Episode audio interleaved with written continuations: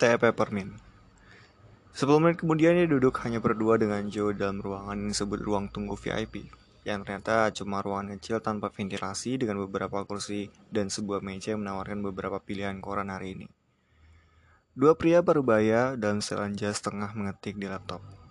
Pada titik ini, Nora sudah tahu bahwa kakaknya adalah manajernya. Hal itu sudah berlangsung tujuh tahun, sejak ia berhenti menjadi perenang profesional. Apakah kau oke dengan semua ini? Tanya Joe setelah mengambil dua minuman dari mesin kopi. Ia merobek saset untuk mengeluarkan teh celup peppermint. Ditaruhnya ke dalam cangkir air panas yang diambilnya dari mesin kopi. Lalu ia menyerahkannya cangkir itu ke Nora. Seumur hidup Nora tidak pernah minum teh peppermint. Itu buatku. Uh, iya. Cuma itu satu-satunya teh herbal yang mereka punya. Joe sendiri menghirup kopi yang diam-diam didamkan orang. Mungkin dalam kehidupan yang ini ia tidak minum kafein. Apakah oke dengan semua ini? Oke dengan semua apa? Tanya Nora. Jadi pembicara hari ini. Oh, um, iya. Berapa lama tadi katanya? 40 menit. Tentu saja. Bayarannya besar. Aku minta naik dari ke 10. Kau baik sekali. Iya, aku masih mendapatkan 20 persennya. Tidak bisa dibilang pengorbanan. Nora mencoba memikirkan cara untuk mengungkap sejarah mereka bersama. Bagaimana ia bisa mencari tahu kenapa dalam kehidupan ini mereka bisa duduk bersama dan akur. Mungkin berkat uang, tapi kakaknya tidak pernah terlalu termotivasi oleh uang. Ya, tentu saja Joe marah ketika Nora hengkang dari kesepakatan dengan perusahaan label rekaman, tapi itu karena Joe ingin menjadi gitaris di labirin sepanjang sisa hidupnya dan menjadi bintang rock. Setelah mencoba beberapa kali, Nora membiarkan kantong teh itu bebas di dalam air. Apakah kau pernah memikirkan bagaimana hidup kita mungkin berbeda? Kau tahu seandainya aku tidak pernah terjebak dengan renang misalnya? Tidak juga. Maksudku menurutmu, apa yang akan kau lakukan kalau kau bukan manajerku? Aku manajeri orang-orang lain juga. Kau tahu, ya tentu saja aku tahu itu jelas. Aku rasa aku, aku mungkin tidak akan manajeri siapa pun tanpa dirimu. Maksudku, kau yang pertama, lalu kau mengenalkanku pada Kai, lalu Natali, lantas Ellie. Jadi, Nora mengangguk, seolah-olah ia punya bayangan siapa itu Kai dan Ed, Natalie dan Ellie. Betul, tapi mungkin kau akan menemukan jalan lain. Siapa tahu, bisa jadi aku akan masih tinggal di Manchester. Aku tidak tahu. Manchester. Ya, kau ingat betapa aku sangat suka di sana, di universitas. Betul-betul susah untuk tidak tampak kaget dengan semua ini. Fakta bahwa kakaknya dengan siapa ia akur dan bekerja sama juga merupakan orang yang pergi kuliah di kehidupan akarnya, Joe hanya mengambil ujian persamaan level A dan mendaftar untuk masuk fakultas sejarah di Manchester. Tapi tidak pernah meraih nilai-nilai yang dibutuhkannya. Mungkin karena dia terlalu sibuk teler bersama Raffi setiap malam. Setelah itu, ia memutuskan tidak mau kuliah sama sekali. Mereka mengobrol lebih banyak. Pada satu titik, perhatiannya Pada satu titik perhatian Joe teralihkan oleh ponselnya. Nora melihat screensavernya adalah pria dengan raut berseri-seri, tampan, tersenyum yang tidak pernah dilihatnya. Ia melihat kakaknya mengenakan cincin kawin dan ia berpura-pura memasang raut netral. Jadi, bagaimana rasanya menikah? Joe tersenyum. Senyumnya betul-betul bahagia. Sudah bertahun-tahun ia tidak pernah melihat Joe tersenyum seperti itu. Dalam kehidupan kakarnya, Joe selalu tidak beruntung dalam cinta, walaupun ia tahu kakaknya gay sejak remaja. Joe baru resmi mengaku dirinya gay waktu berumur 22 tahun. Joe juga tidak pernah memiliki hubungan bahagia atau berjangka panjang. Nora merasa bersalah karena hidupnya memiliki kuasa untuk membentuk hidup kakaknya dalam cara-cara yang begitu penting. Oh, kau tahu Ewan? Seperti apa? Ewan adalah Ewan. Nora baru tersenyum seolah-olah ia tahu siapa Ewan dan seperti apa persisnya orang itu. Ya, dia hebat. Aku sangat bahagia untuk kalian berdua. Joe tertawa. Kami sudah menikah lima tahun sekarang. Dari cara membicara, kesannya aku dan dia baru bersama. Tidak, aku hanya... Kau tahu kadang-kadang aku berpikir kau beruntung sangat mencintainya dan bahagia. Dia kepingin anjing. Joe tersenyum. Itulah pertengkaran kami saat ini. Maksudku, aku tidak keberatan punya anjing. Tapi aku mau anjing yang diselamatkan. Aku tidak ingin Maltipo atau Beacon. Aku mau serigala. Kau tahu, anjing sungguhan. Nora memikirkan Voltaire. Binatang merupakan teman yang sangat baik. Ya, apakah kau masih kepingin punya anjing? Masih. Atau kucing? Kucing terlalu tidak patuh, kata Joe. Terdengar seperti kakak yang dilihat Nora. Anjing lebih tahu diri. Ketidakpatuhan merupakan fondasi sejati kebebasan. Yang penurut pasti budak. Jo kelihatan bingung. Dari mana itu? Apakah itu kutipan? Ya, Henry David Thoreau. Kau tahu filsuf favoritku? Sejak kapan kau suka filsafat? Tentu saja dalam kehidupan ini ia tidak pernah kuliah sampai lulus dari fakultas filsafat sementara dirinya di kehidupan akar membaca karya-karya Thoreau, Lao Tzu, dan Sartre di, di dalam apartemen mahasiswa yang bawa di Bristol. Dirinya yang ini tengah berdiri di podium Olimpiade Beijing. Anehnya, ia merasa sedih untuk versi dirinya yang tidak pernah jatuh cinta pada keindahan Walden Terrell atau meditasi stoik Marcus Aurelius, sama seperti ia bersimpati pada versi dirinya yang tidak pernah memenuhi potensi Olimpiadenya. Um, entahlah, aku tidak sengaja melihat beberapa karya di internet. Oh, keren. Aku akan mengeceknya. Kau bisa menyelipkan beberapa hal itu ke pidatomu. Nora merasakan dirinya memuncak um, aku berpikir mungkin akan melakukan sesuatu yang agak berbeda hari ini. Aku mungkin um, akan sedikit berimprovisasi. Bagaimanapun improvisasi merupakan keterampilan yang dilatihnya selama ini. Aku melihat tayangan dokumenter luar biasa tentang Greenland kemarin malam. Mengingatkanku pada waktu kau terobsesi dengan Arctic dan, menggun dan mengguntingi semua gambar beruang kutub dan macam-macam itu. Ya, Mrs. M berkata cara terbaik untuk menjadi penjelajah Arktik adalah menjadi glasiolog. Jadi itulah cita-citaku. Mrs. M, bisik Joe. Sepertinya aku tahu. Pustakawati sekolah. Ah, itu dia. Kau dulu sering mendekam di perpustakaan itu, kan? Kurang lebih. Bayangkan, kalau kau tidak terjebak dengan berenang, kau bakal berada di Greenland sekarang ini. Svalbard, kata Nora. Apa? Ke Pulau Norwegia, jauh di atas Samudra Arktik. Oke, Norwegia, kalau begitu kau akan berada di sana mungkin atau mungkin aku hanya akan masih berada di Bedford murung sepanjang waktu pengangguran kesulitan bayar uang sewa apartemen jangan bodoh dari dulu kau selalu melakukan hal-hal besar Nora tersenyum mendengar kepolosan kakaknya dan beberapa kehidupan kau dan aku mungkin bahkan tidak akur ngomong kosong kau harap begitu Joe tampak agak tidak nyaman dan kentara ingin mengganti topik. Hei, tebak aku bertemu siapa yang hari? Nora mengangkat bahu berharap itu seseorang yang pernah didengarnya. Raffi. Kau ingat Raffi? Ia memikirkan Raffi, yang memakinya di gas koran kemarin. Oh iya, Raffi. Nah, aku berpapasan dengannya. Di Bedford. Hah, astaga, tidak. Sudah bertahun-tahun aku tidak pernah ke sana. Tidak, di stasiun Blackfriars betul-betul tak terduga. Bayangkan, aku belum pernah bertemu dengannya lebih dari satu dekade, minimal. Dia ingin pergi ke pub, jadi aku menjelaskan kepadanya aku tidak minum alkohol sekarang. Lalu aku terpaksa menjelaskan aku sempat menjadi alkoholik. Dan semua itu bahwa aku tidak minum segelas anggur atau mengisap sekapul ganja pun selama bertahun-tahun. Nora mengangguk-angguk seolah-olah itu bukan berita mengebohkan. Sejak aku menjadi kacau balau setelah mau meninggal, kurasa dia berpikir siapa sih orang ini? Tapi dia baik. Dia tidak keberatan. Dia bekerja sebagai kameramen sekarang. Kadang-kadang masih suka main musik bukan musik rock tapi jadi DJ rupanya. Ingat band yang aku dan dia bentuk bertahun-tahun lalu? The Labyrinth? Makin lama makin gampang untuk bersikap samar. Oh iya The Labyrinth. Tentu saja itu masalah yang jaya ya aku mendapat kesan dia merindukan masa-masa itu walaupun kami sangat jelek dan aku tidak bisa bernyanyi Bagaimana denganmu? Apa kau pernah memikirkan kira-kira apa jadinya kalau labirin berhasil tenar? Dia tertawa, agak sedih. Aku tidak tahu apa ada yang bisa dikira-kira apa jadinya kalau Mungkin kau butuh tambahan satu orang. Aku dulu suka memainkan keyboard yang mom dan dad belikan untukmu. Masa? Kapan kau punya waktu untuk itu? Sebuah kehidupan tanpa musik, sebuah kehidupan tanpa buku-buku yang digemarinya, tapi juga sebuah kehidupan tempat ia akur dengan kakaknya, sebuah kehidupan tempat ia tidak terpaksa mengecewakan kakaknya. Ya, Raffi, Raffi ingin menyapamu, ingin bertukar kabar. Tempat kerjanya hanya satu stasiun tube dari sini. Jadi dia akan mencoba datang ke acara nanti. Apa? Oh, itu semoga dia tidak melakukannya. Kenapa? Aku hanya tidak pernah betul-betul menyukainya. Jom ngerjain. Oh ya? Aku tidak ingat kau pernah mengatakan itu. Dia lumayan orang baik. Mungkin dulu agak suka Taylor, tapi kelihatannya dia sudah agak bisa menata hidupnya sekarang. Nora resah. Jo, ya. Kau tahu kapan mam meninggal? Ya. Aku ada di mana waktu itu? Apa maksudmu? Apakah kau baik-baik saja hari ini? Apakah tablet-tablet baru itu manjur? Tablet-tablet? Nora memeriksa isi tasnya dan mulai mengaduk-aduk melihat kotak kecil obat antidepresan. Hatinya mencelus.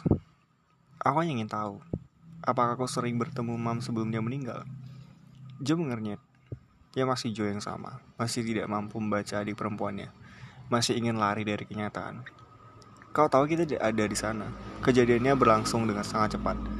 Mam tidak memberitahu kita seberapa parah penyakitnya untuk melindungi kita, atau mungkin karena dia penyakit dia tidak ingin kita menyuruhnya berhenti minum-minum. Minum-minum. Mam suka minum-minum. Kecemasan Joe bertambah. Nora, apa kau terkena amnesia? Dia minum sebotol gin setiap hari sejak Nadia muncul. Iya, tentu saja aku ingat. Belum lagi kau harus bertanding di kejuaraan Eropa dalam waktu dekat dan dia tidak ingin tergang, dia tidak ingin mengganggu. Ya Tuhan, Seharusnya aku ada di sana. Salah satu dari kita seharusnya ada di sana, Jo. Kita berdua. Ekspresi Jo tiba-tiba membeku. Kau tidak pernah sedekat itu dengan Mam, kan? Kenapa tiba-tiba aku makin dekat dengannya? Maksudku, aku ingin dekat dengannya. Aku, kamu buatku takut. Kau tidak seperti dirimu sendiri. Nara mengangguk. Ya, aku, aku hanya, ya aku rasa kau benar. Aku rasa ini gara-gara tablet-tablet itu. Ia teringat ibunya dalam bulan-bulan terakhir menjelang kepergiannya berkata, Aku tidak tahu apa yang akan kulakukan tanpa dirimu. Dia mungkin mengatakan hal yang sama kepada Joe. Tapi dalam kehidupan ini, Mam tidak ditemani salah satu dari mereka. Lalu pria masuk ke ruangan sambil menyengir memegang ponsel di papan jepit. Sudah waktunya katanya.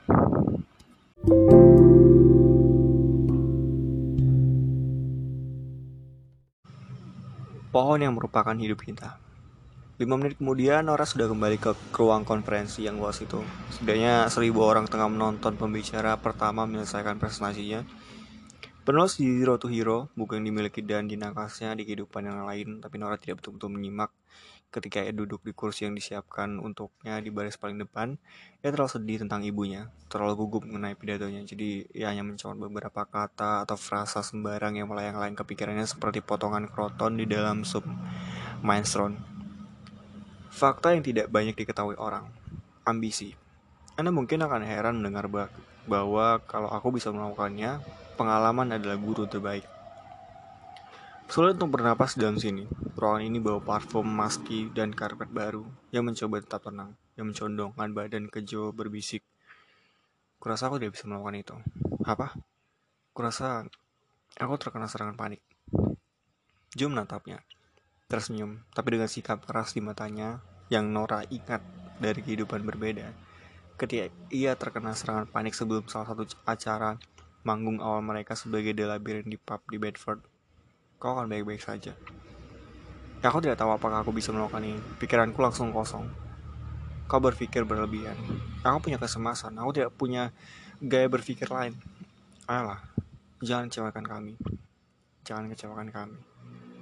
Tapi, ia berusaha memikirkan musik. Memikirkan musik selalu bisa menenangkannya. Sebuah lagu muncul dalam pikirannya. Ia agak malu, bahkan dalam hati untuk menyadari lagu di kepalanya adalah Beautiful Sky lagu riang dan penuh harapan yang sudah lama tidak dinyanyikannya. Langit berubah gelap, hitam di atas biru, tapi bintang-bintang masih berani untuk bersinar lagi. Tapi orang yang duduk di sebelahnya, wanita pebisnis berpakaian rapi berumur 50-an dan sumber bau parfum maski itu, mendekat dan berbisik.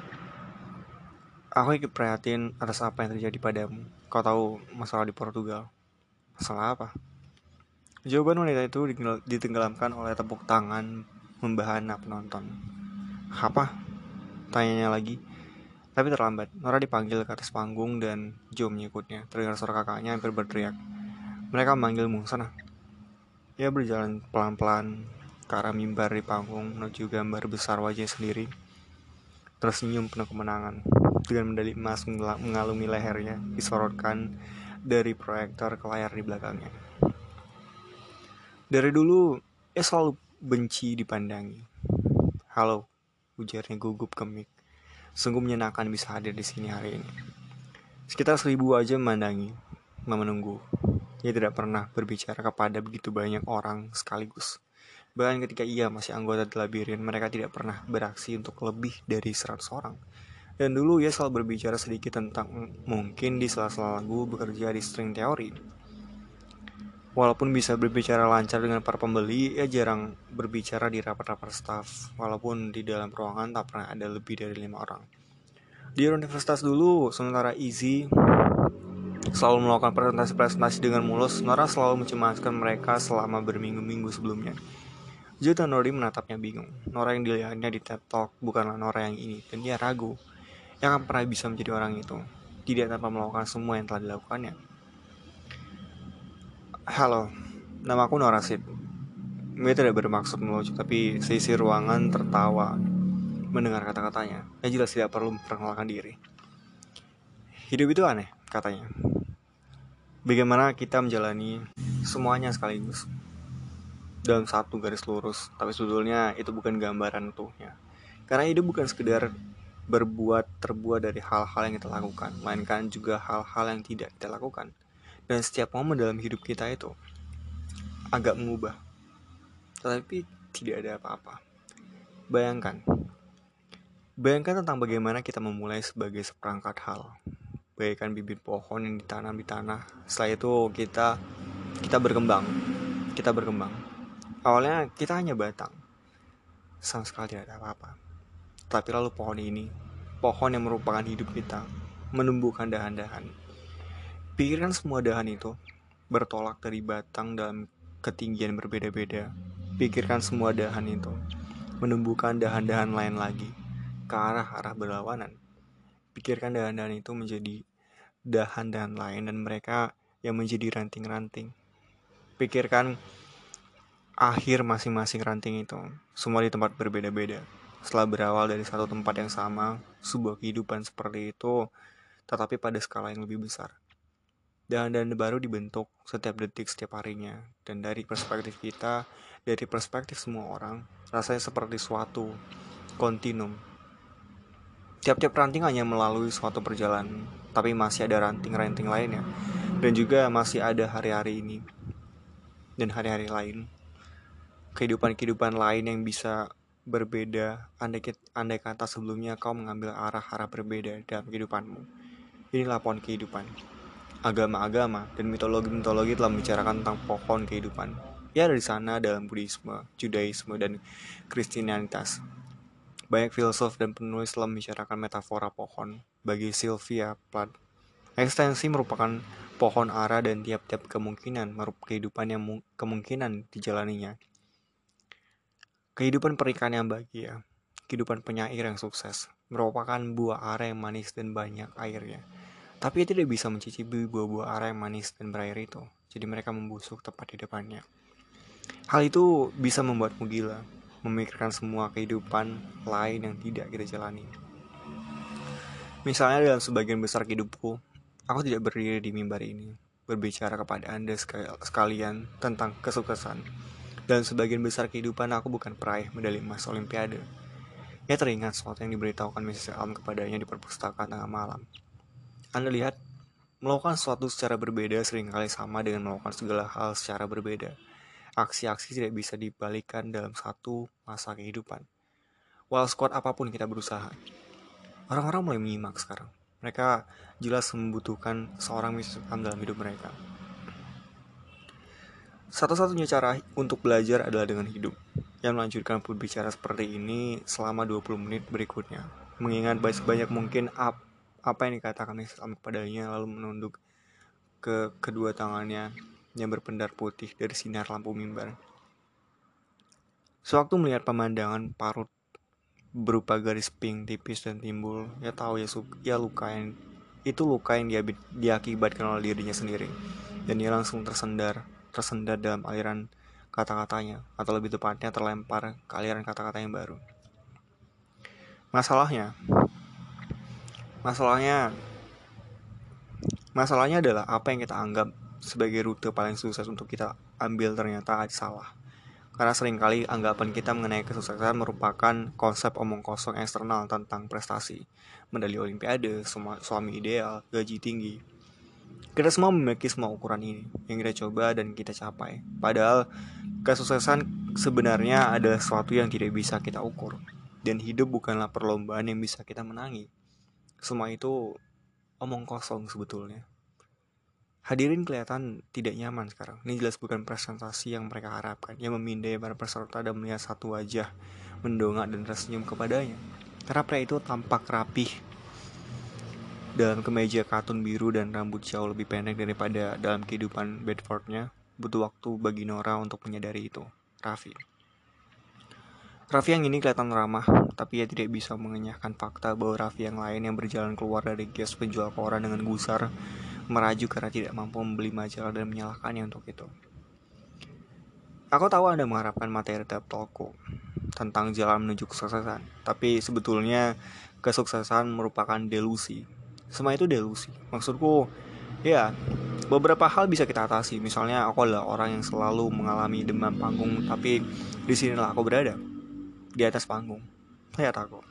Di atas panggung. Baru-baru ini, seseorang memberitahuku mereka memberitahuku bahwa masalahku sebetulnya bukan demam panggung atau takut tampil. Masalahku adalah takut hidup. Tahukah Anda? Mereka betul. Karena hidup itu menakutkan, menakutkan untuk alasan kuat. Dan alasan itu adalah tak peduli cabang kehidupan mana yang kita jalani. Kita selalu merupakan pohon busuk yang sama. Aku ingin menjadi banyak hal dalam hidupku. Macam-macam. Tapi kalau kehidupanmu busuk, itu akan tetap busuk tak peduli apa pun yang kau lakukan kelembaban, kemembusukan, semua hal yang tak berguna.